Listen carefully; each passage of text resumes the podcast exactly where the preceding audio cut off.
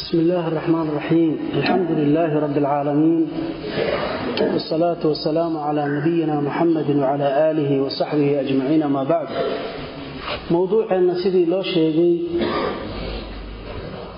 وحويان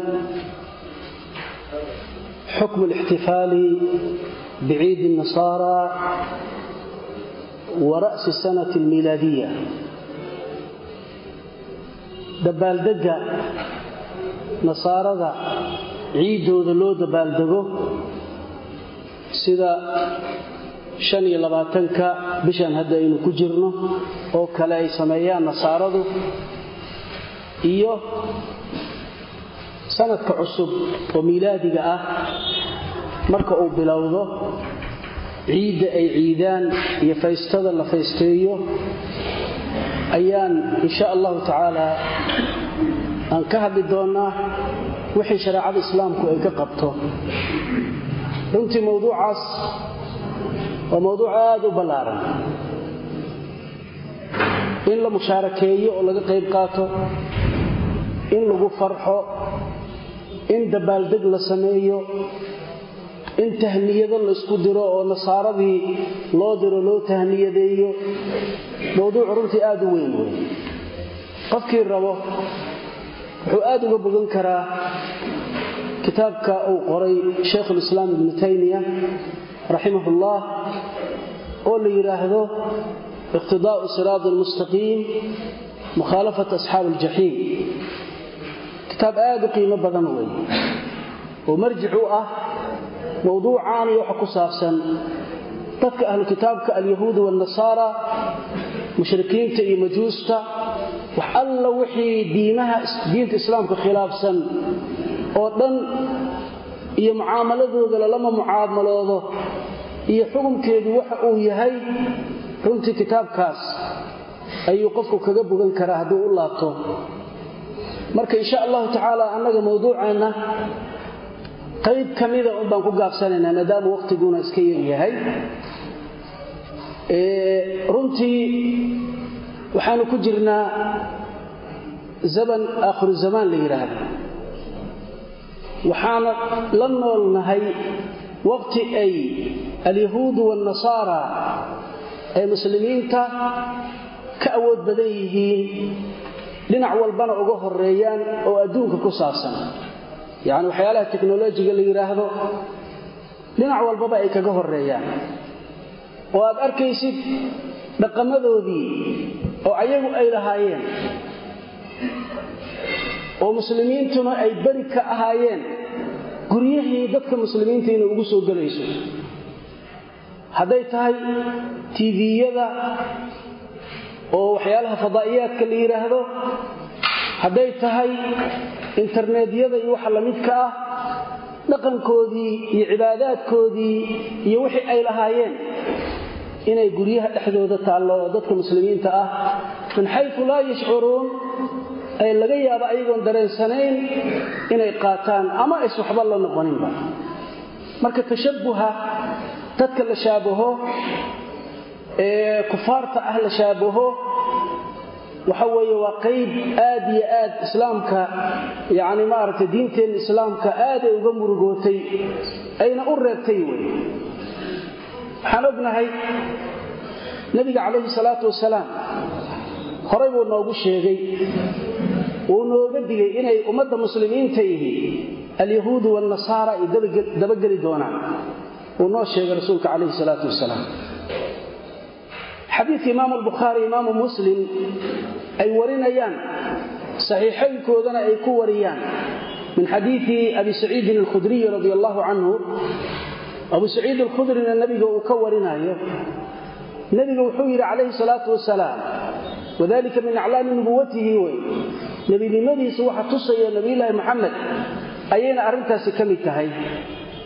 Wuxuu yidhi rasuulka calayhi salaatu wasalaam latattabicunna sanana man kaana qablakum shibran bishibrin wadiraacan bidiraacin xataa low dakhaluu juxra dabbin ladakhaltumuuhu qulnaa ya rasuula allah alyahuudu wاlnasaara qaala faman wuxuu nabigu yidhi calayhi salaatu wasalaam waad raacaysaan ood raacaysaan ood raacaysaan latattabicunna wallaahi latattabicunna adoo yiroo kale la mid tahay qasamaa ku jiro dhaar ah laam laamu tawkiid la yidhaahdaa ku jirto nuunu tawkiid intuu iskugu dara fiiri oo arrinka la adkeeyey fiiri waad raacaysaan ood raacaysaan. Sanana man kaana qablakum. Dadka idinka idinka horreeyey wadooyinkoodii waddadii ay mareen baad maraysaan buu yidhi. Weliba waxaad u raacaysaan shibran bishibrin. Taako taaka taaka u raacaysaan. Shibriga waa gacanta oo dhulka sidaas taakadaada la yidhaahdo. Halkaas yacni ilaa taaka taaka u raacaysaan. Wa diraacan bidiraacin dhudhun dhudhun baa u raacaysaan. Sidaas baad u dabagelaysaan xataa low dakhaluu juxra dabbin hadday xataa galaan buu yidhi. Hadday galaan xataa.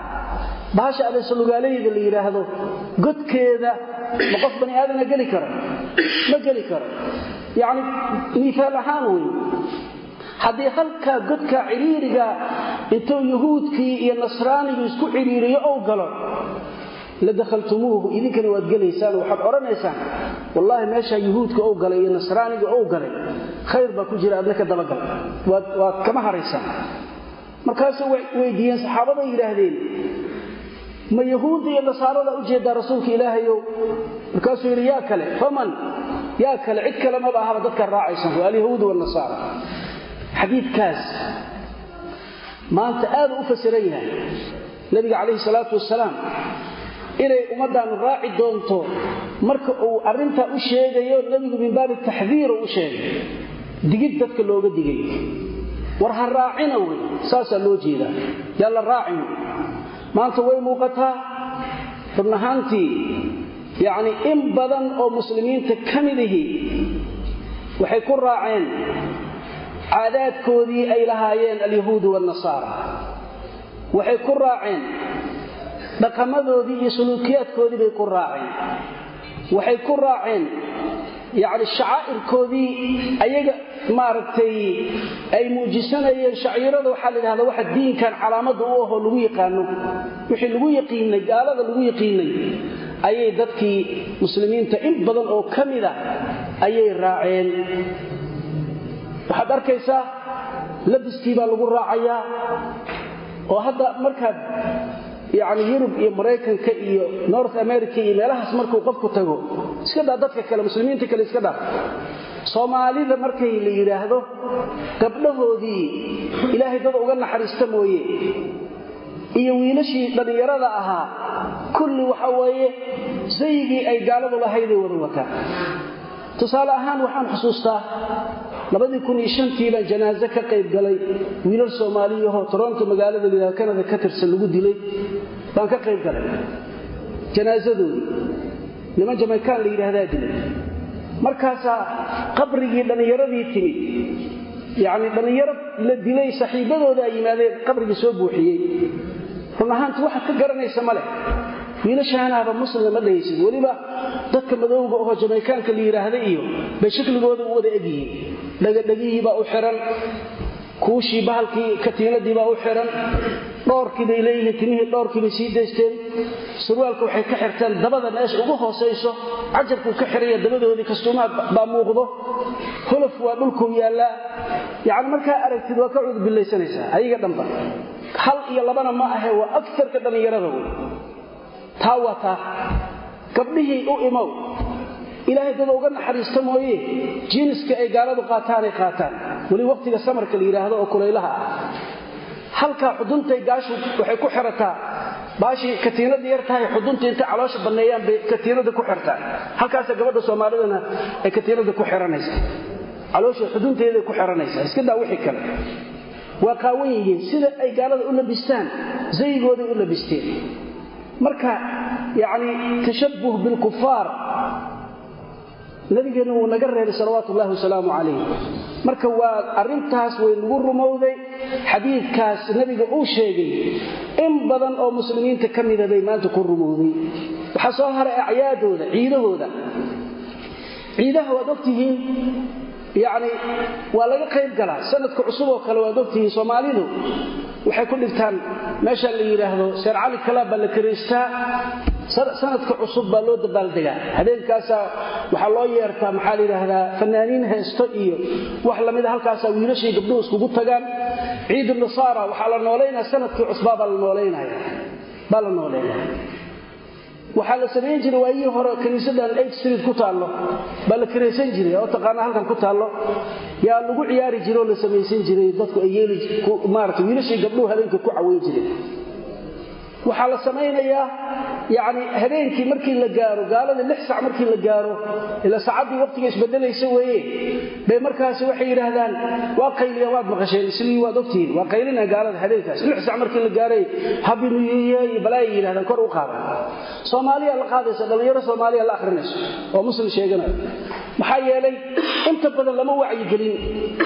Looma sheegin waxaan uu yahay habi waa shay lagu farxo waay. Farxad buu muujinaya farax waay. Waa farax waay. Sanad cusuboo lagu farxo. Annaga sanad cusuboo lagu farxa aha runtii muslimiintu ma aha. Marka qofka muslimka inuu garto waxyaalahaasoo dhan waad u jeedaan walaalayaal wax jiro weeyaan. Waa wax jiro wey annagu marka diinteenna ilaahay subxaana wa tacaala diinka uu diin ahaan yani diin ahaan u jiro oo saxdou rabbi noo sheegay waa diin lislaam ilaahay muxuu yidhi ina addiina cinda allaahi alislaamu diinka alle agtii diin ah waa diinteenna islaamka weeyaan.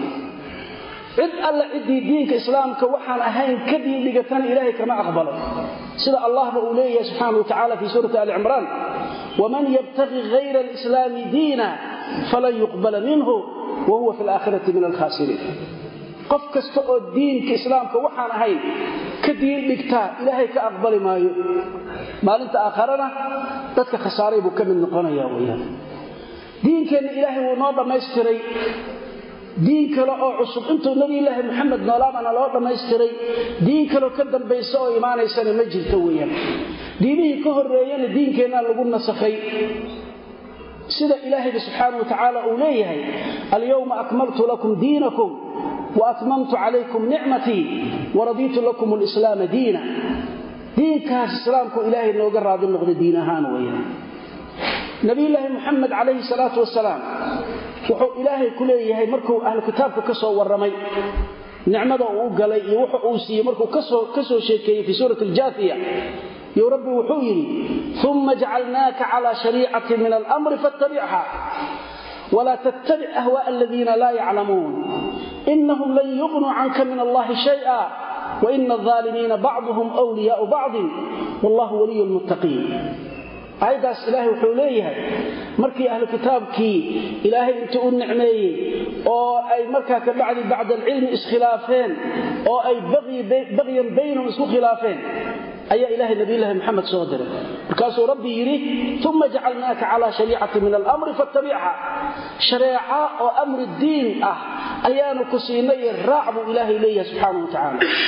Gaaladaana walaa tattabic ahwaa aladiina laa yaclamuun kuwa aan cilmiga lahaynoo alyahuudu wanasaara u horeeyaan mushrikiintii iyo kufaartii wataniyiintii ha raacin hawadooda hana dabagelin. Maxaa yeele waxay ilaahay agtiisa kaa tari karaan. Lama arko iyagaa awliye isku ah qaar ka kale mu'miniinta dadka muttaqiintana allah baa weligoodii ah subxaana wa weyaan marka ciidulmiilaadka ilaa hadda chrismas macnaheeda waxaa waa ciidu miilaadi lmasiixi nabiyulaahi ciisa markii uu dhashay ayay ku tilmaamaan disembar inuu yahay ayay ku tilmaamaan weyaan ixtifaalkeedu waxa weeye oo dadka muslimiinta ay u ixtifaalaan waa muxaram waa xaaraam waa xaaraam waxyaalaha marka tusayo inay arrintaasi aysan shay noo bannaan ahayn dhowr qodob baan ka soo qaadanaynaa.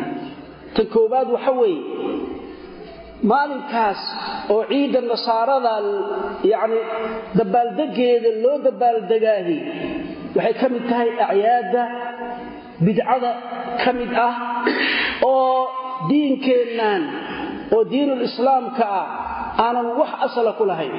Wax asalo ay ku leedahay lama arko. Meel ishaaraysa ma jirto in loo dabaaldego ciidda nasaara loo dabaaldego bal wax alla wixii bidco ah. Waad ogtihiin waana laka reebay. Nabigeen wuxuu yidhi xadiidka caaisha muslim bukhaari ku jira taqiineen man axdaa fii amrina hada maa laysa minhu fahuwa raddun. Man camila camalan laysa calayhi amruna fahuwa raddun. Riwaayadii imaamu muslim. Marka horta waa ciid oo bidco ahoo diinkeenna aanan asal ku wax alla waxaan diinkeenna asal ku lahaynna waa marduudun calayhi waa la radiyaa weya qodobka labaad waxa weeye qofka muslimka ahi qofka muslimka ah marna uma bannaana in uu dabaaldeg u sameeyo ciidun min alacyaad.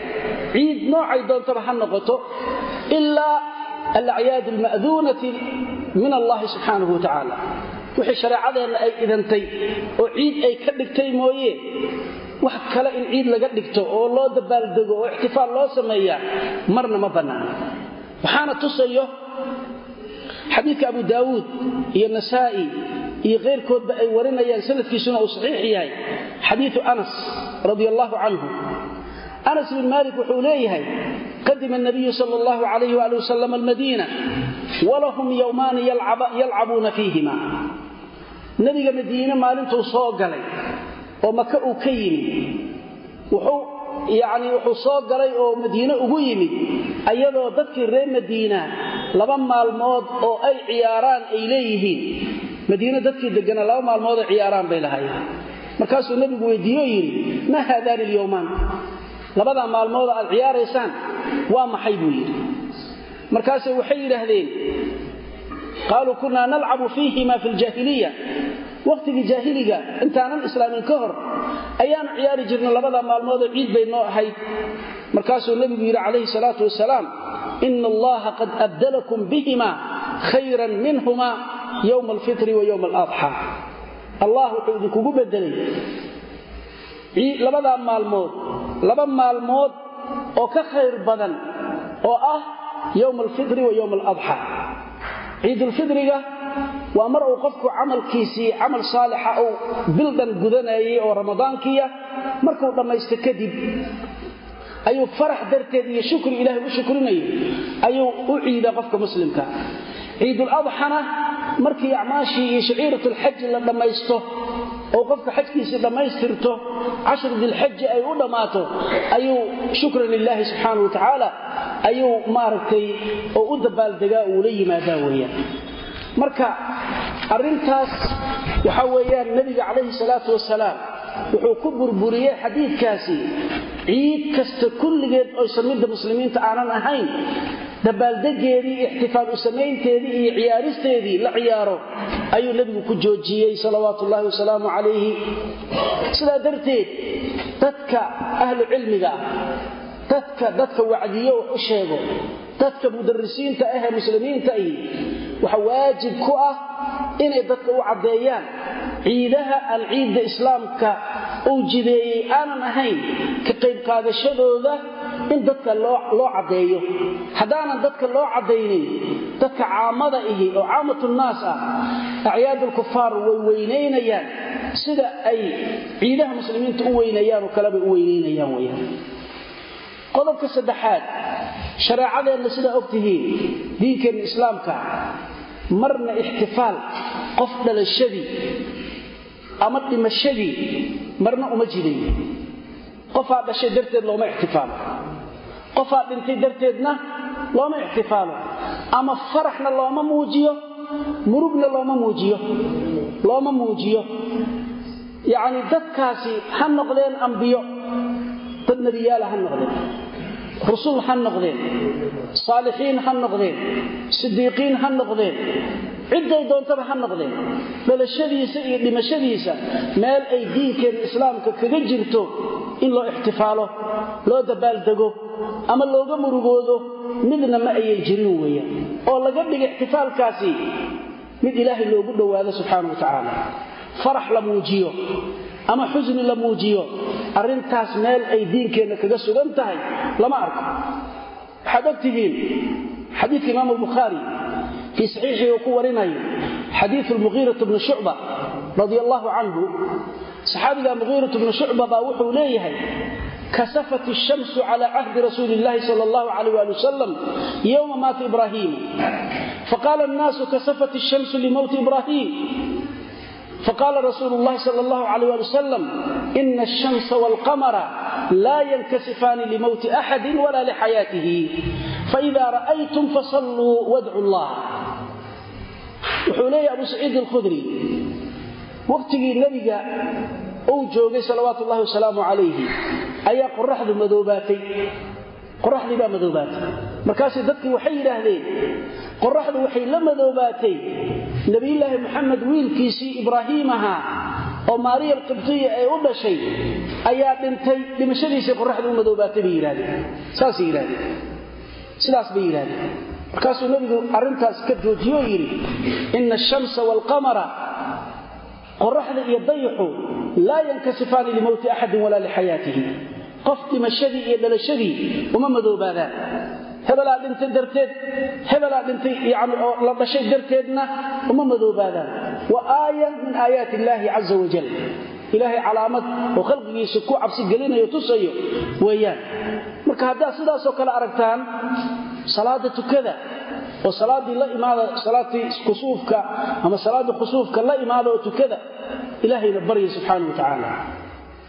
Sidaa daraaddeed sharcigeenna kuma soo aroorin in ixtifaal loo sameeyo qof dhalashadii ama dhimashadii loo sameeyo lagama soo guurinin nabigeenna calayhi salaatu wasalaam. Lagama soo guurinin saxaabadiisii ridwaanullaahi calayhim lagama soo guurinin taabiciintii atbaacu taabiciin iyo a'immat lhuda dadkii diinkan looga dayanayay wax laga soo guuriyey ma leh weeyaan. Waxaa ka mida maalan hadda ixtifaalka.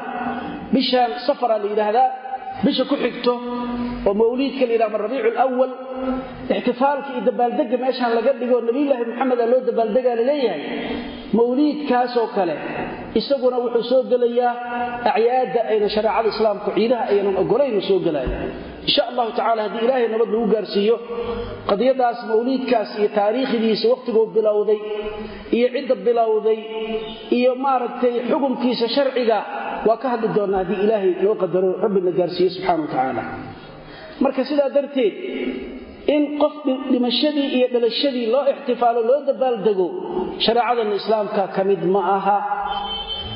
ma aha weeye marka ciidda nasaarana waaba ka sii xag jirtaaba.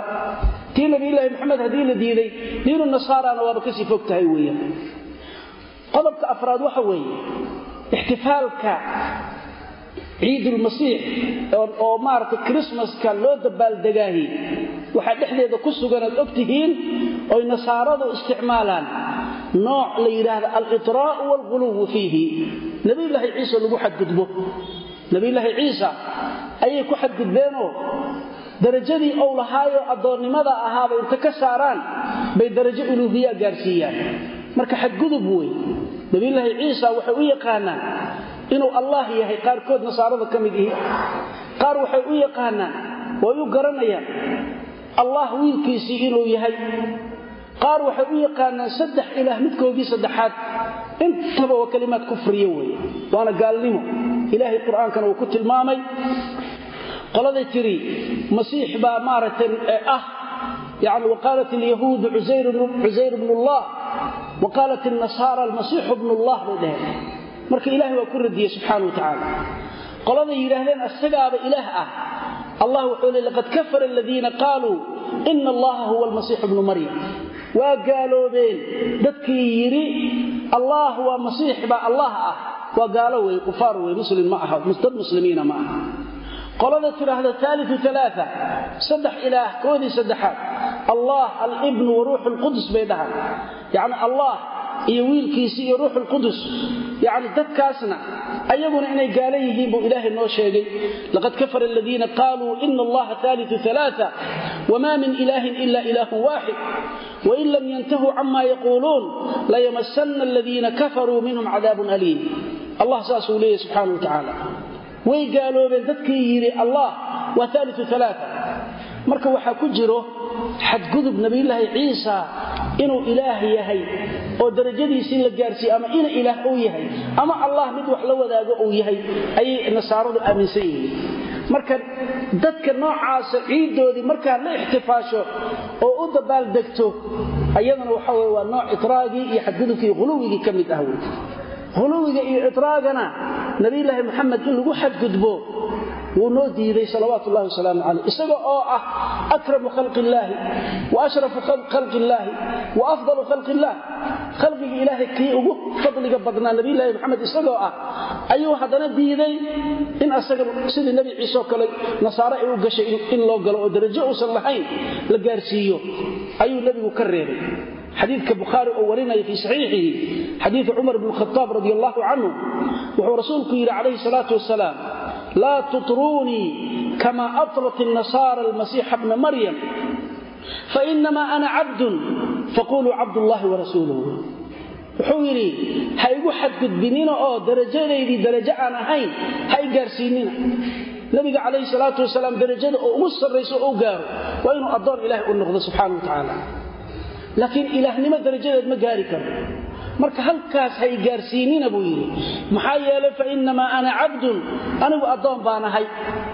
Waxay tidhaahdaan cabdullaahi wa idhahay addoonkii alle iyo rasuulkii allah adeegga uu soo dirsaday intaa igu sima.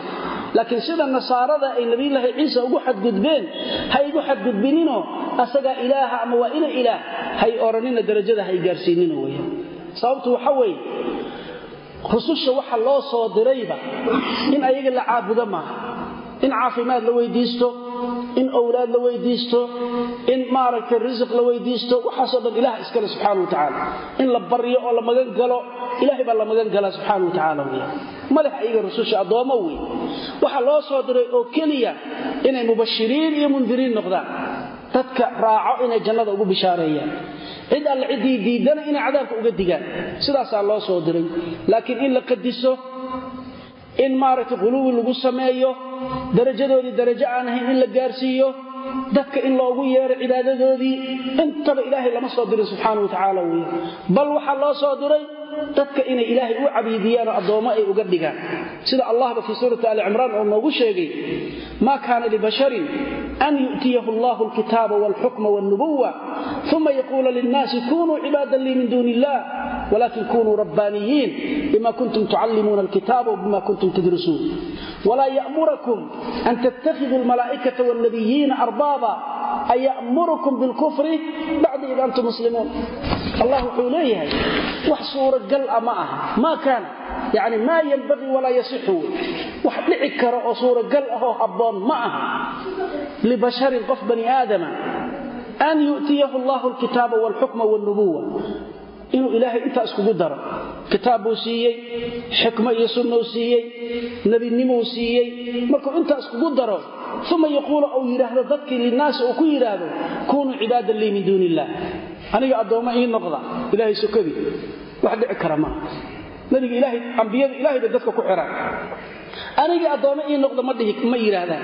Walaakiinse yacni nebigu wuxuu yidhaahdaa yaquulu nabiyu kunuu rabbaaniyiina bima kuntum tucallimuuna alkitaaba wabima kuntum tadrisuun war kuwa rabbi loo nisbeeyey oo rabbaaniyiin aan noqda aqoonshaha cilmiga aa leedihiin ood wax tacliimisaan sababteeda ood culimo tihiin oo aad cilmiga iyo diinka daraasayseen sababteeda rabbaaniyiin ku noqda bay sidaas bay rususha tirahdaan walaa ya'murakum.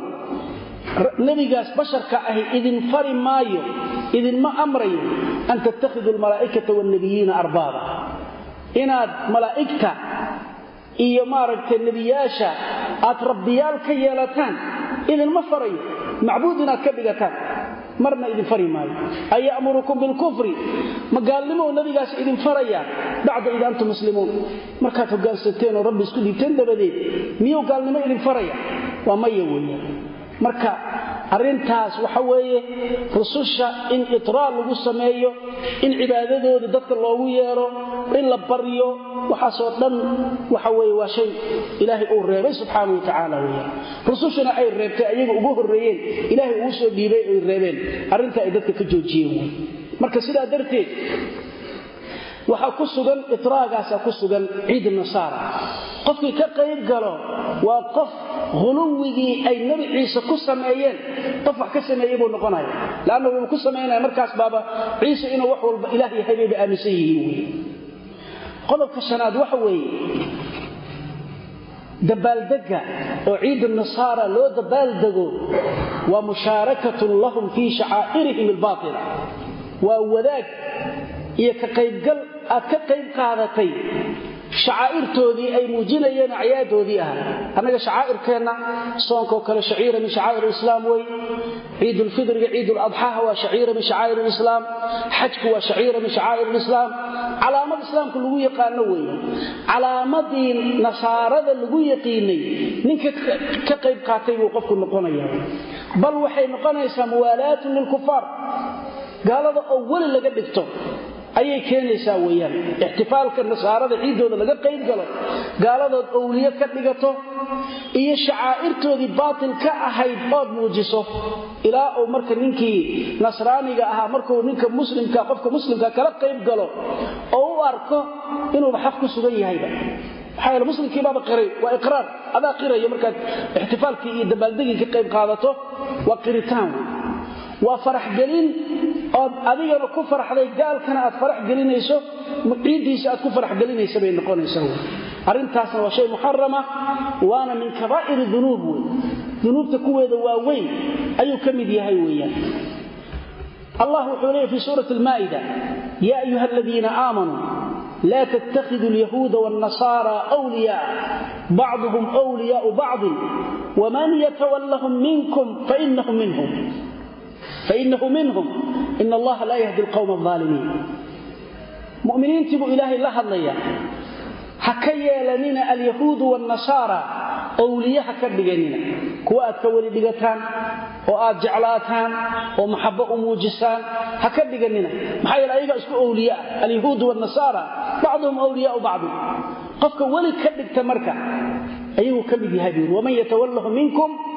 idinka muslimiinta qofka weli ka dhigto ayaguu ka mid yahay. Marka taa marka waxay culammadu ku fasiraan waxa weye markuu qofku u qasdo ou raadi ka noqdo muslim ka ihi diintii nasaarada markuu raadi ka noqdo ama diinulyahuud inay diin xaqa tahay ou aamino.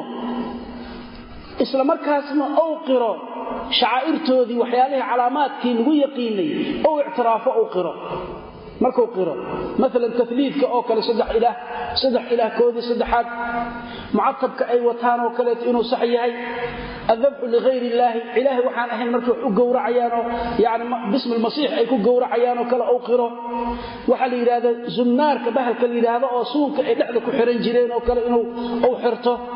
Tacmiidka ay ayagu ilmaha u sameeyaan markuu ilmaha dhashay ay madaxa biyaha uga shubaan oo kale iyo ou qaato oo isaguna ku dhaqmo waxaas markuu aamino waman yatawallahu minkum fainahu minhum. Markaasay ku dabaqmaysaa wuxuuna qofku noqonayaa diinka islaamka mid uga baxay. Hadduu raadi ka noqdo diinkooda ouna qiro oo sidaas waxaasoo dhan uu raadi uga noqdo shacaa'irtooda wuxuu noqonaya waa kaafirun wa murtadun can diin lislaami biitifaaqi ahli lcilmi dadka ahlucilmiga oo dhan muttafaqay ku yihiin inuu qofkaasi murtad noqona hadduu qalbiga ka aamino oo arrintaas uu jeclaado weya marka mas'aladaasna muwaalaadka ah iyo waxyaalaha shacaa'irtooda oo laga qayb qaato dadka badankood caamatulnaas ma kala farqiyaan. Marka sidaa darteed dadka ducaadda ihi waa inay dadka ugu digaan oo yidhaahdaan war diintaada khatar gelayso ka fogow macaabid nasaara kanaa'is nasaara yani sawaamic alyahuud inuu qofku waxaasoo ka fogaado maalinkooda weliba ciidda ay samaynayaan inaadan shacaa'irkoodaasi ka qaybgelinoodan maaragtay aadan yani mushaarakaynina lagaa rabaa weya marka waa in dadka looga digaahoo loo sheego weya qodobka toddobaad waxa weeye ixtifaalka ama dabaaldega ciidda nasaarada loo dabaaldego waa tashabuhun binnasaara. Ekaansho laysku ekeeyo nasaaradii la shaabahay noqonaysa nasaaradoo la shaabaho laguna shaabaho fii maa huwa min khasaa'isihim waxyaalaha ayaga u goonida ah oo min alkufaar ah in lagu waafaqo weeyaan. Lanna ciiddanoo kale markay waxyaalaha ay muujiyaan oo shaciiradoodiibaa ciidda nasaarada ka mid ah tan baa ka mid ah marka khasaa'iskii waxay u goonida ahaa ood la wadaagta buu noqonaya. Iyagii inaad isku ekaysiso isku shaabahdo. Qolana qofkii qof shaabaho qofka qof shaabaho zaygiisii iyo labiskiisii ku shaabaho ciiddii ku shaabaho caqiidadii ku shaabaho qofkaas isaguu ka mid yahay dadkaasuu ka mid noqonaya weyaan arrintaasna waa nala ka reebay sharcigeenna waa nala ka reebay waxayna ka mid tahay yani min acdami dunuubi. Dunuubta kuwa ugu waaweyn ayay taasina ka mid tahay weyaan qofka sameeyana waa la ceebeeyey shareecadeenna waa lagu ceebeeyey weyaan abu daauud fii sunanihi wuxuu ku warinayaa yani sanad oo sheekh naasiruddiin alalbanina uu tasxiixinayo yani cabdulaahi bni cumar ayuuna ka warinaya radi allahu wuxuu leeyahay qaala rasuulu llahi sal allahu alayh ali wuxuu yidhi man tashabbaha biqawmin fahuwa minhum. Man tashabbaha biqawmin dad ninka isku ekaysiiyo fahuwa minhum. Ayuu ka mid yahay isagoo ka noqonaya dadka isku ekaysiiso unbaad adna ka mid tahay weeyaan. Lanna waxay yidhaahdaan atashabuhu biaahir daahirkaaga markii aad zayigaada qofka isku ekaysiiso wuxuu waajibinayaa atashabuhu bilbaail markaa qofkaasuu yahay dhaqankiisii labiskiisiiad ku raacday qaabka u soconayaad u socotay qaabka uu madaxa u xiirtaad ciyaalka dhowrka samaysto oo xiirtaad u xiiratay yacni ninkiibaad gaalkaasaad isku ekaysiisay. Daahirkaada mar haddaad kaa isku ekaysiiso macnaheedu waa maxay? Qalbigana waa kaga eg tahay weeyaan. Qalbigiina waa iskaga ekaysiisa wey waxay dhahaan atashabuhu biaahiri yuujibu tashabuha bilbaini waana xaqiiqo wey qofka aad isku ekaysiiso waa qofaad jeceshahay wey maxaa yeelay tashabuh wuxuu keenayaa waa jacayl oo qofka mushabahu bihiga ahee la shaabahayo aad jeceshahay. Arrintaasna shareecadeenna waad ogtihiin. Waxa weeye way reebtay ilaahay waa naga reebay subxaana wa tacaala rasuulkana waa naga reebay. Gaalada inaan shaabahno oonu ekaano odayaasha xataa ragga maantadma siyaasiyiinta ah oo soomaalida ah ama muslimiinta intooda badan. Markay odayaasha kaleoo gaalada kale ama siyaasiyiinta kale ay la fadhiyaan haddaadan luqada qaarkood ku kala garan lama kala garana leanna isku labis wa garka u wada xiiran yahay shaarbo waaweyna la reebanaya taygu waa wada xiran yahay waa laisla fadhiyaa.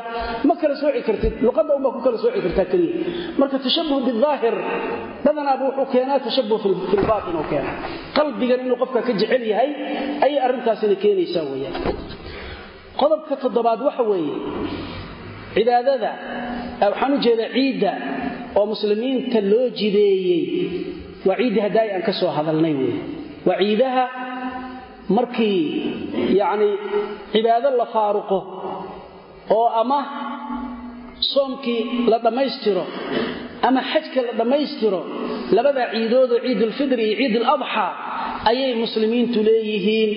Cibaado ay ku soo jireen ayay dhammaystirteen.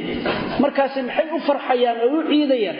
Shukran lilaahi caza wajal ilaahay ay ugu shukrinayaan calaa taysiirihi lilcibaada. Fududaynta ilaahay oo ciiddaan yan cibaadada u fududeeyey farax ay ku farxayaan calaa itmaamihi alcibaada cibaadada ugu dhammaystiray. Sidaa darteed yacni ciiddan oo ciidul nasaara la yidhaahdaa macnaha ay leedahay ciidda muslimiintoo kale ma laha cibaado ay ku soo jireen oo ay faaruqeen oo ay u farxeen ma jirto weeyaan. Muslimiinta marka labadaa ciidood ayay leeyihiin hadday horay u jirtayna annaga markii diinkeenna nebiyulaahi moxamed ilaahay uu u soo diray oo nebiyulaahi moxamed soo saaray baa toodii la nasakhay. Ciidda maanta ilaahay agtiisa ciid loo yaqaano waa tan nebiyulaahi moxamed oo ummadda muslimiinta uu jideeyeyo ciid ulfidri iyo ciid uladxaa weeyaan. Qodobka sideedaad waxa weeye in ciidda nasaarada la khilaafo ama gaaladoo dhan la khilaafaa waa hadyigii nabiyulaahi moxamed salawaatu ullahi wasalaamu calayh. Nabigeenna calayhi salaatu wasalaam alyahuudu waalnasaara waalmushrikuun kulli wuu khilaafi jiray. Marka cid alla ciddii marka ciiddan raacdo oo nebi moxamed uu khilaafi jiray raacdo oo ciiddii yahuudda iyo tii nasaarada iyo kulli u dabaaldegtaay dabaaldegaa ka qayb qaadato waa qof hadyigii nabiyulaahi moxamed khilaafay salawatu ullahi wasalaamu calayh. Waa qof ka weecday oo ka leexday ariiqadii nabiyulaahi moxamed ou maray qof ka leexday wey lanna nebiga waxaan ognahay salawaatu ullahi wasalaamu calayhi wuxuu ahaa yani kaana yubaaliqu fii mukhaalafati ahli lkitaab. Ahlu kitaabka in la khilaafo nabiga ku xeeldheeraan jiray. Aad buu ugu xeeldheeraan jiray wax kasta oo yahuudda iyo nasaaradu la yimaadaan waa khilaafi jiray salawaatu ullahi wasalaamu calayh. Hadday tahay cibaadaadka waa ku khilaafi jiray. Hadday tahay labiska waa ku khilaafi jiray. Hadday tahay caadaadka iyo dhaqanka waa ku khilaafi jiray. Hadday akhlaaqiyaadka tahay nebiga waa ku khilaafi jiray salawaatu ullahi wasalaamu calayh. Waxaa ka mida maalan qiblada oo kaleeto waxaad ogtihiin markii madiina uu yimid nebiga oo maka ka yimid toddobiyo toban bilood baa wuxuu u jeesanayay baytulmaqdis nebigu wuxuu jeclaa in kacbadiisii loo soo celiyo. Markii dambaa ilaahay subxaana wa tacaala uu soo dejiyey fii suurati albaqara qad naraa taqaluba wajhika fi samaa'i falanuwalliyannaka qiblatan tardaaha fawalli wajhaka shatra almasjid alxaraam markaasaa loo soo jeediyey. Wuu khilaafay. Qibladii waa ku khilaafay nebiga calayhi salaatu wasalaam waxyaalaha ku khilaafay waxaa ka mid a ahlu kitaabku madaxdooda iyo muluugtooda waxay jecel yihiin in loo istaago oo ayaga qiimayn la qiimaynayo loo istaago. Nabigu wuu diiday mukhaalafa lilyahuud looma istaagi karo buu yidhi qofka in loo istaaga yani ma jirto wey uma istaagaysid uma kacaysid. In loo kaco tacdiiman lahu yani wax dhacaya maaha lama ogolo wey bal nabigu wuxuu yidhi qofka jecel inay dadku u kacaan oo u istaagaan. Naarta boosku ka geli laha ha diyaarsada buu yidhi. Asagoo ku khilaafayo ahlu kitaabka asagoo ku khilaafayo. Xadiidkaas abu daawuud iyo tirmidi baa warinaya sanadkiisuna waa xasan weeye. Nebigu wuxuu yidhi man axabba an yatamatala lahu rijaalu qiyaaman falyatabawa maqcadahu min annaar. Qofka inay dadku raggu u istaagaan jecel oo isagu inuu dadku ka sarreeyo isku haysto oo ummadda inuu u istaagaan doonayo naarta boosku ka geli lahaa ha u diyaargaroobo waa u diyaarsan tahay baa loo jeedaa waxaa ka mida waxyaalaha uu nebigu ku khilaafi jiray salawaatu ullahi wasalaamu calayhi yahuudda uu ku khilaafi jiray. Waxaa ka mid a takhyiiru shaybi cirada markuu qofku ciroobo in ciradii la bedelo hadday ciradu caddahay in la bedelo midab lagu bedelo maxaa yeelay yahuudda iyo nasaaradu ma aynan bedeli jirinoo midab kale ma aynan u yeeli jirin nabiga marka hala bedelo buu yidhi mukhaalafatan lilyahuudi waalnasaara wuxuu leeyahay xadiid bukhaariyo muslimba ku sugan xadiidu abi hurayra. Wuxuu leeyahy abu hurayra ana rasuula allahi sal alla alay wasalam qaala nabiga calayhi salaatu wasalaam wuxuu yidhi ina alyahuuda waannasaara laa yasbiquuna fakhaalifuuhum yahuudda iyo nasaarada garka iyo madaxa tinta cirada ahi midab kuma bedelaane idinka khilaafa oo bedela yani cirada sideedii bay u daayaane ciradii bedela buu leeyahy wuxuu leeyahay xadiid kaleeto oo tirmidi oo warinayo fii sunanihi xadiid abi hurayra.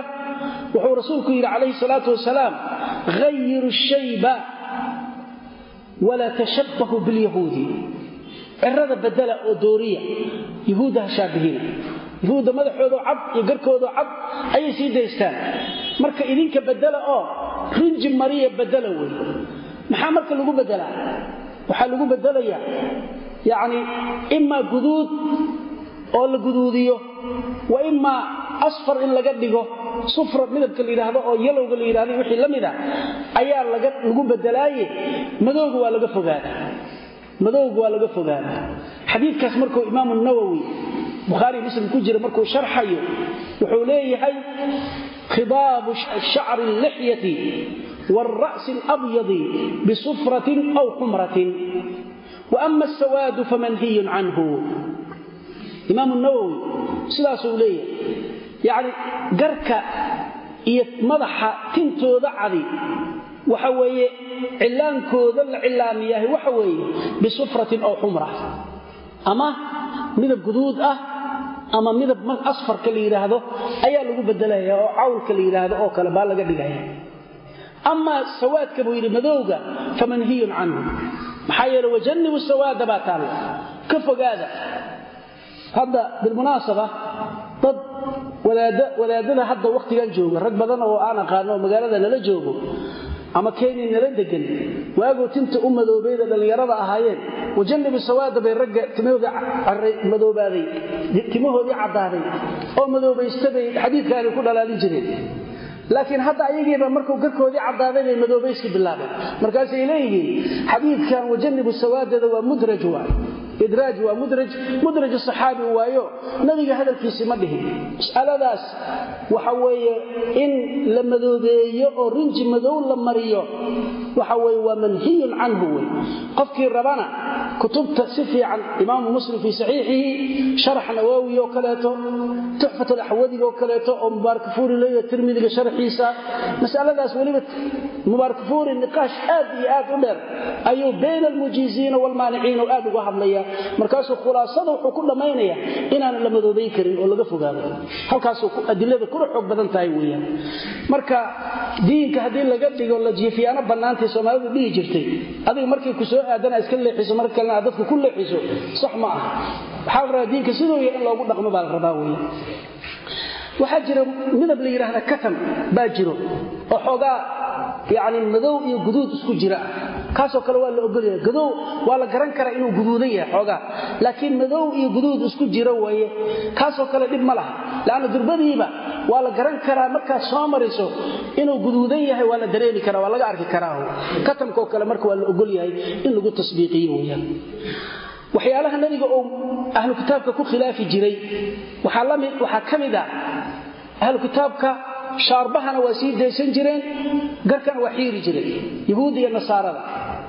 Sida saxiixaynka ku sugan bukhaari iyo muslim xadiid ibni cumar radi allahu canhuma wuxuu yidhi qaala rasuulu lahi sal alay wasalam khaalifu lmushrikiina war mushrikiinta khilaafa axfu shawaariba shaaribka yani gaagaabiyana waa jirtaa waana la xiiri karaa shaaribka. Uxfaha waxaa la dhahdaa isagoo la dhammaystiro ama isagoo qasu shawaaribana waa jiraa gaagaabiya. Wa acfu lixya garkana sii daaya marka cagsi baa la sameeyey yahuud garkii baa la xiirayaa shaarbihiina waa la sii daysanaya. Waa cagsigii yahuuddii ay samayn jireen marka nebigu yuhuudda in la khilaafo wakhaalifu lyahuudda buu dhihi jiray. Khilaafa yuhuudda oo maarata waa ujeeda ila mushrikiintii bay ka mid yihiine garkana sii daysta shaarbahana gaagaabiya ama xiira weeyaan. Kaas baa ka mid ah. Waxaa ka mida wuxuu nabigu ku khilaafi jiray ahlu kitaabka uu ku khilaafi jiray waxaa ka mid ahaa kabahooda kuma tukan jirin oo ilaahay markii uu yidhi nabiyulaahi muusa fakhlacna calayka inaka bilwaadi lmuqadasi tuwa. Waa la amray. Marka kabaha kuma tukadaan. Annaga laakiin nebigu wuxuuna amray inaan khilaafno oo kabaheenna aan ku tukanno.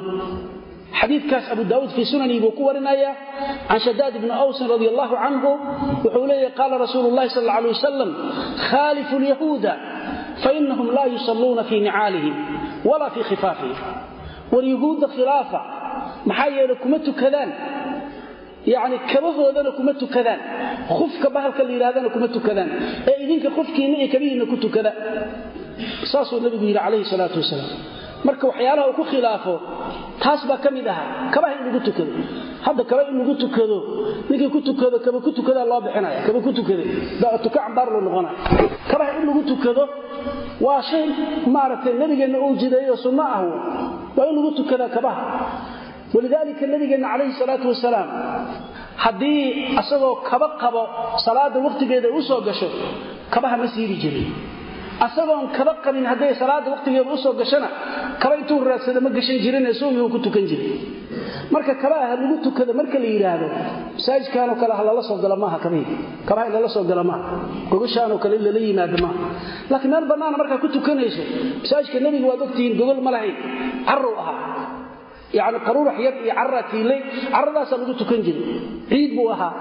Marka kaasoo kale kabahaada inaad iska bixisid maaha. Markaad tukanayso waa inaad yani maarata kabaha ku tukataa. Amaa masaajidkan goglan masjidkan goglan oo nadaafada leh. Nebigaa wuxuu yidhi wakhaalifu lyahuuda oo fainahum laa yusalluuna fii nicaalihim. Ee idinka kabaha ku tukada marka masaajidkan kabaha kula tukanaya sax maaha wax saxa maaha. Masaajidka laguma tukado kaba lala soo geli maysa firaashkaadaba uma ogolada maxaa masaajidka ugu ogolaanaysa meesha firaashka ku jiifanaysa kaba ma la fuulaysa waa maya marka masjidka la soo geli mayside amaakinta kale markay kugu qabsato ku tuko dad waxaa arkaysaa dhul barafa ayagoo joogo fiqi xumada. Ayaa barafka ayagoo ku jiro oo dhib ay la joogi la yihiin. Ayaa yani salaaddii soo gelaysa markaasuu kabii bixinaya waa meel uusan socon karin oo cudur ka qaadayo ama ku dhimanayo. Marka markaasoo kale waxaa la rabaa kabahaada ku tuka ama baraf ha noqdo ama uusan noqonin. Marba haddii salaada kugu qabato aysan masjid goglan uusan ahayn waad ku tukanaysaa meel kasta oo salaada kugu qabato weya marka yuhuudda taasna nebigu ku khilaafi jiray. Wuxuu nabigu ku khilaafi jiray.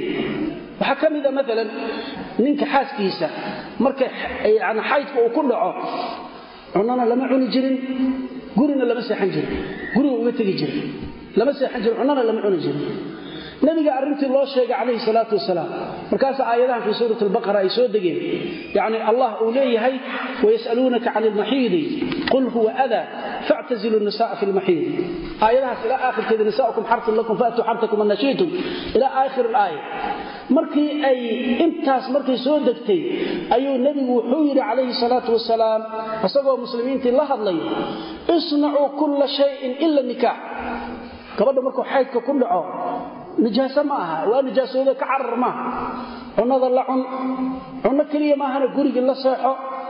Ayada lafteeda ku istimtaaco istimtaaci ku samee laakiin uun farjiga ka fogow.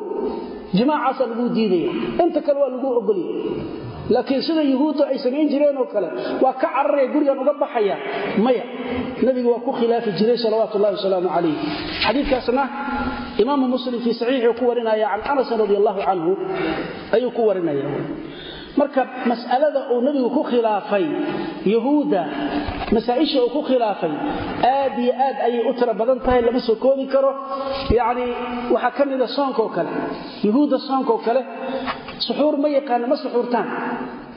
Adiga marka nebiga muxuu dhahay calayhi salaatu wasalaam faslu maa bayna siyaamina wa siyaami ahli lkitaabi aklatu saxar. Waxaa weeye annaga iyo ahlu kitaabka soonkeenna waxa kala saaro waa maxay? Suxuurta cunitaankeedii wey marka suxuurta haddaad cunto waad khilaaftay ayagusuma suxuurtaan wey marka masaa'ishaasoo dhan ayaa la rabaa in maaragtay lagu khilaafo nabigeenna uu ku khilaafi jiray calayhi salaatu wasalaam. Kolka qofkii aan nabiyulaahi muxamed calayhi salaatu wasalaam wixii uu yuhuud ku khilaafay aan ku raacin wuxuu noqonayaa hadyigii nebiga qof ka leexday salawaatu ullahi wasalaamu calayh oo yuhuuddii yani maarata iyo nasaaradii ku waafaqo shacaa'irtoodii oo acyaaddoodii u khaaska ahayd ku waafaqo sidaas buu noqonay walidaalika ayuu xadiid imaamu lbayhaqi oo warinaya xadiida cabdillaahi ibn alxaarif oo sheekh naasir iddiin alalbanina saxiixuljaamic oo xasan kaga dhigaya xadiidka sanadkiisu. Wuxuu leeyahay saxaabiga cabdullahi ibni xaarif ayaa wuxuu yidhi nebiga wuxuu arkay cumar bn khaaab oo ku wato gacanta ku sita warqado ay towraad ku qorantahay warqado towraad ku qorantahay isagoo watou arkay. Markuu arkay nabiga aad ugu carooday aad uga carooda yani ugu xanaaqay cumar bn khaaab radi allahu canhu markaasuu wuxuu ku yidhi low nazla muusa faattabactumuuhu wataraktumuunii la dalaltum. Ana xadukum min alnabiyiin wa antum xadii min alumam haddii nabiyulaahi muuse uu imaan lahaa hadda oo asaga aad raacdaan ood aniga iga tagtaan anigoo nebi maxamed aad iga tagtaan waad baadiyoobaysaan idinkoo nebiga raacay laftiisii baad baadiyoobaysaan buui aniga haddaa iga tagtaan. Maxaa yeelay ana xadukum min annabiyiin nasiibkiinna ilaahay ou nebiga idinkaga dhiga waa aniga wey wa antum xadii min alumami. Ummadda ilaahay uu igu talagalo nasiibka iiga dhigayna waa idinka wey marka nabigeenna calayhi salaatu wasalaam aaduu arrintaa uga carooda waa kitaab towraad uu warqadaheedii oo wato. Aragtida uu ku arkay buu nebigu ka xanaaqay salawatullahi wasalaamu calayh famaa baalukum hadduu nebigu arki lahaa acyaadan oo raqsiga lala samaynayo gaaladii lagu dhex jiro oo ciiddoodii lala samaynaya hadduu arki lahaa bal ka warrama. Waa kitaabkii towraada warqadaheedii xusaa uga xanaaqay nebigu calayhi salaatu wasalaam marka sidaa darteed dadka muslimiinta ah mar kastaba waxaa la rabaa inaysan ka qayb qaadanin ciid nasaara wa ciid lmushrikiin inaadan goobaha lagu samaynayo aadan xaadirin. Inaadan yani maaragtay hadiyaad aydnan kala bedelanin. Hadiye hadduu kuu soo diro adigana aad u dirtid aadan samaynin. Inaadan ugu tahniyadaynin ciiddiisa oodan dhihin ciidulmubaarak aadan dhihin waad arkaysaan dhallinyarada dad badanoo yani dhallinyaradan ama gaalada iskuulaadkooda dhigtoo la bartaay. Markii wakhtigaanoo kale krismaska la gaaro kaarar iska diyaarsan baa jiro oo la sameeyo dukaamada lagu gato. Markaasaa mary christmas baa ku qoran markaasuu magaciisa ugu qoraa hadiyad tahniye ahaan oo boosada u dhigaya u diraya waa tahniyad uu samaynayo tahniye lama ogol. Adiga muslim baa ta waxaa la rabaa inaad arrintaas samayn xataa culammada waxay leeyihiin inaad waxa ayaga u khaaska ah oo maalintaasoo kale ay samaystaan xataa inaadan ka ganacsan oo maalan ukunta oo kale ay samaystaan iyo shumaca oo kale iyo ubaxa oo kale iyo waxyaalahaasoo kale dicaayadna aadan u samaynin inaadan ka qayb qaadanin baa lagaa rabaa. Leanna tahniyadii iyo ka qayb qaadashadii ayay noqonaysaa weyaan marka arrintaas aad iyo aad in ay dadka muslimiinta ugu baraarugaan yani waa shay aad iyo aad muhiim u ah weyaan waxaa weeye culammadu waxay u deliishadaan acyaadda mushrikiintoo laga qayb qaato aayadda fii suurati alacraaf fii suurati alfurqaan ku jirto ayayna salafkeennina ku fasiri jireen mufasiriintoodii radi allahu canhum. Salafkeenni taabiciintii ayaa ku fasiri jira aayaddaas aayadda fii suurati alfurqaan aayadaha cibaaduraxmaan marka laga hadlayo oo ilaahay ou ammaanayo ammaantooda uu ka sheekaynayo suurat alfurqaan aakhirkeeda ayuu rabbi wuxuu yidhi waaladiina laa yashhaduuna zuura waidaa maruu billahwi maruu kiraama waa dadka aanan baatilka xaadirin wey.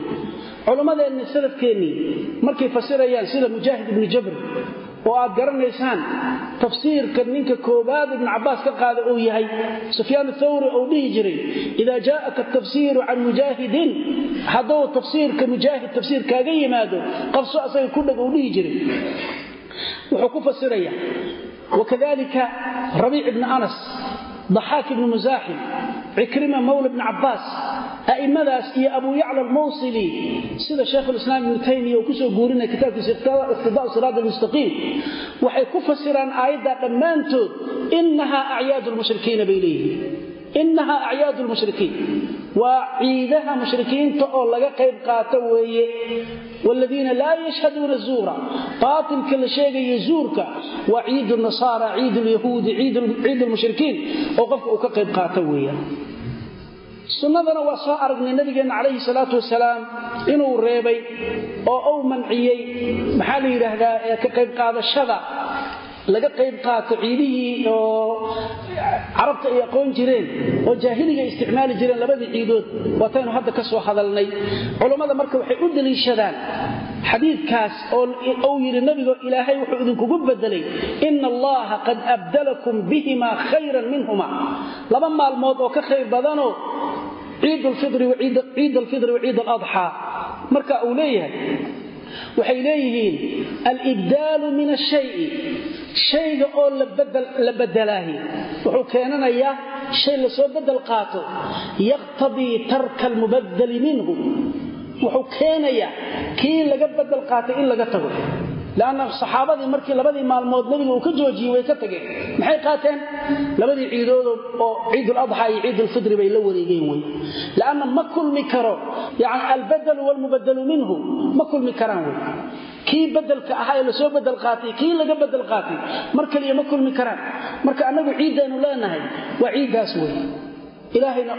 walbaba acyaad buu u sameeyey. Siduu rabbi leeyahay subxana wa tacala fi suurati almaa'ida likullin jacalnaa minkum shircatan wa minhaaja qolo walba kulligee shareecadu ilaahay u yeelay iyo nahji ay ku socdaan buu u yeelay. Sheekh lislaam ibnu taymiya raximah llah kitaabkaas iqtidaau siraat almustaqiim mukhaalafata asxaabi aljaxiim wuxuu leeyahay markuu arrintan ka warramay ciidda nasaara markuu ka warramayo ciidda ahlu kitaabka falaa farqa bayna mushaarakatihim fi lciidi wa bayna mushaarakatihim fi saa'iri almanaahiji faina almuwaafaqata fi jamiici alciidi muwaafaqatun fi lkufri والموافقة في بعض فروعه موافقة في بعض شعب الكفر بل إن الأعياد من أخص ما تتميز به شرائع ومن أظهر ما لها من الشعائر فالموافقة فيها موافقة في أخص الشرائع شرائع الكفر وأظهر شعائره ولا ريب أن الموافقة في هذا قد تنتهي إلى الكفر في الجملة بشروطه بوليه هذا الكاسؤاد قيمة بذن أي الشيخ الإسلام كتابك كقرية وحفرقية مكة لها wadaagsigooda gaalada ciidooda lala wadaago iyo manhajkooda oo lala wadaago wax farqiga u dhexeeya ma jiro. Waxay ka diin dhigteen. Iyo iyo ciidoodoo la wadaagaahi. Ciidda wax sahlan inaysan ahayn ku tusaysaa farqi uma dhexeeya buu leeyahy maxaa yeelay ciidoodoo lagu waafaqo waa muwaafaqatun fi lkufri buu leeyahy ciidda haddaa ku waafaqda gaalnimadooda baad ku waafaqday. Waa qodobu وموافقة في بعض ما تتميز به شرائع وحوليه وموافقة في بعض فروعه عيداس فروع فرعياشيده إلا مهد مد كمدنا هذه آد كوافقضه وموافقة في بعض الشعب الكفر قيب كمدة بعد آد كقيب قادتي shucbada yani laamaha ay leedahay kufrigu leeyahay iyo qaybaha uu leeyahay qayb kamida mid ku waafaqay baad noqonaysaa haddii ciidoo dhan aad ku waafaqdana kufrigii o dhan mid ku waafaqay baad noqoni buu leeyahay. Maxaa yeelay wuxuu yidhi bal ina alacyaada ciiduhu waa min akhasi maa tatamayazu bihi sharaa'icu waa waxyaalaha ay la goonida yihiin shareecadaha iyo diimuhu ay la gooni yihiin. Diintan islaamka labada ciidood bay leedahay soomaha yaa la wadaago qolo kastana shacaa'irteeda waa wax asaga u khaasa ayaga u gooniya weeyaan. Marka taasay ka mid tahay. Weliba wuxuu yidhi wa min adhari maa lahaa min ashacaa'ir shacaa'irta diiniga calaamaadka lagu yaqaano kan ugu muuqashada badan waa acyaada buu leeyahy ciidaha weeyaan. Marka falmuwaafaqatu waafaqid la waafaqo fiiha acyaadoodii gaalada lagu waafaqahay ciidahooda waxay la mid tahay waxa weye waa muwaafaqatun fii akhasi sharaa'ici alkufri wa adhar shacaa'irihi haddii aad ciiddooda ku waafaqdo waa adoo diinkoodii ku waafaqay kufriga ahaa iyo calaamadihii diinkaas ou lahaaye shaciirada u ahaa adoo ku waafaqay oo kale la mid towlin sidaa mar hadday noqoto walaa rayba shaki waxaana ku jirin ana almuwaafaqata fii haada waafaqidda oo arinkan lagu waafaqay ciidda lagu waafaqaaye ee ahlu kitaabka lagu waafaqaaye qad tantahi ila alkufri fi ljumla duuduub ahaan gaalnimay u noqonaysaa dhammaanteedba kufri bayba qofka gaarsiinaysaa bishuruudihi laakiin maca shuruudihi. Marka shuruudiisii la fiiriyo yani itlaaqan buu hadda zajri buu u leeyahay laakiin kufri bay qofka gaarsiin kartaa marka shuruuddeedii la helo. wey alimaam ibnu qayim aljawsiya raximah llah kitaabkiisa axkaamu ahli dimma wuxuu ku leeyahay markuu tahniyada gaalada loo tahniyadeeye ciiddooda loogu tahniyade uu ka warramayo wa ama atahni'atu bishacaa'iri alkufri almukhtasati bihim fa xaraamun bilitifaaqi buu leeyahay. Tahniyada loo tahniyadeeyo ahlu kitaabka shacaa'irtooda calaamaadkii gaalnimada oo ayaga u khaaska ahaa loogu tahniyadeeyaa waa muttafaq yani maaragtay ahlu cilmigoo dhan waxay isku waafaqsan yihiin inay xaaraan tahay. Wuxuu leeya milu tahni'atihim. Inaad ugu tahniyadaysoo kale tusaale ahaan buu samayni biacyaadihim ciiddoodii baa ugu tahniyadaysay wa sawmihim soonkoodaa ugu tahniyadaysay. Fayaquulu markaasu wuxuu leeyahay yani mila an yuhani'ahum qofkii inuu u tahniyadeeyo biacyaadihim wa sawmihim. Ciidahoodii soonkooda ugu tahniyadeeyo fayaquulu ou yidhaahdo ciidun mubaarakun calayka.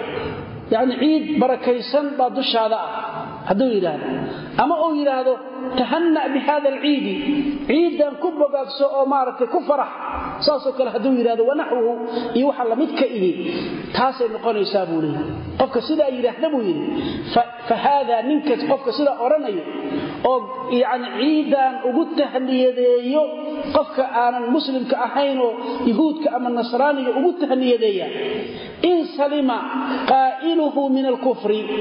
Hadduu ka badbaado qofka tahniyadaa sameeyey gaalnimo hadduu ka badbaado buu yidhi fa huwa min almuxaramaat waxuu ka mid yahay waxyaalaha muxaramaadka yacni qofka tahniyadeeye hadduuba tahniyadaas uu gaalnimo kaga badbaado wuxuu ku dhacayo shay muxarama buu ku dhacay waa muxaram maxaa yeele wuxuu la mid yahay wa huwa bimansilati an yuhani'ahu bisujuudihi lisaliibi ila ciidan sanamay u sujuudaan saliibka mucatabkaasay u sujuudaan.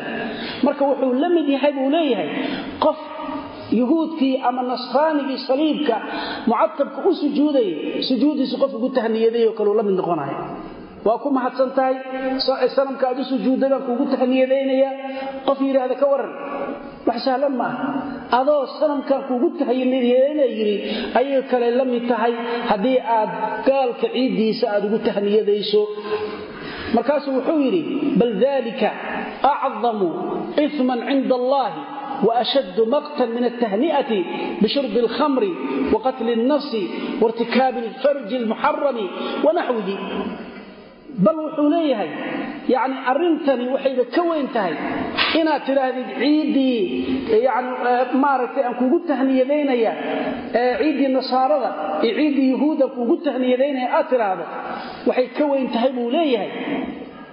Adoo qof ugu tahniyadeeye khamro caday waa kugu mahadinaya yani waa kugu ammaanaya waana kugu tahniyadeynaya khamrada aad cabtay adoo yiroo kale. Tanaa ka daran buu leeyahay midaana ka daran. Adoo ugu tahniyaday khamradii u caday adoo ugu tahniyaday qof qof soo dilay muslima ood leedahay haa waa qumantaha waa kugu tahniyadayna hebel haddaad dishay. Oo kale yacni nin farji muxarama naa kufsaday oo xaaraan ku kufsaday oo tidhaahdo waa ku quman tahay waa ku faraxsanahay waa ku faraxsanahay gabadha aad kufsatay. Tanaa ka khatar badan. Ciidda aad dadku ugu tahniyadaynayso mary christmas aad dhahayso taasaa kaaga khatar badan.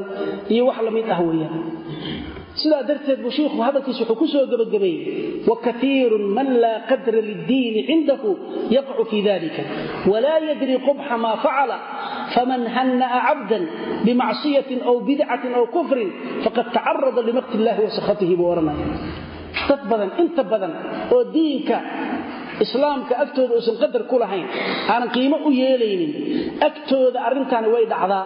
Inay gaalada ugu tahniyadeeyaan ciiddooda ugu tahniyadeeyaan way dhacdaa buu leeyahy mana oga foolxumada iyo dhibka ay leedahay cilmi uma owlahabuun ma garanayo. Markaasuu wuxuu yidhi qofkii u tahniyadeeyo qof macsi ow gale ugu tahniyadeeye bidco ow gale ugu tahniyadeeye kufri ow galay oo ku dhacay ugu tahniyadeeya qofkaas waa qof carada ilaahay u bambaxay wey. Carada ilaahay qof u bambaxayo ilaahu ii caroo qof yiriyoo kale ayuu la mid yahay weeyaan waxa weeye culammada sheekha la yidhaahdo oo culammadeena mucaasiriinta ka mid ahaa sheekh maxamed binu saalix ibnu cuthaymiin raxmatullaahi calayhi isagana wuxuu leeyahay tahni'ada gaalada loo tahniyadeeyo fa xaraamun waa shay xaaraama ama shaqaalaha kula noqdo meel ka wada shaqeeya macallin ha kuu noqdo arday ha kuu noqdo inaad u tahniyadaysid marna lama ogola. Maxaa yeelay arrintaasuu leeyahay waxay keenaysaa tashabuh bilkufaar ayay keenaysaa wuxuu leeyahay wakadalika sidoo kaleeto yaxrumu cala almuslimiina.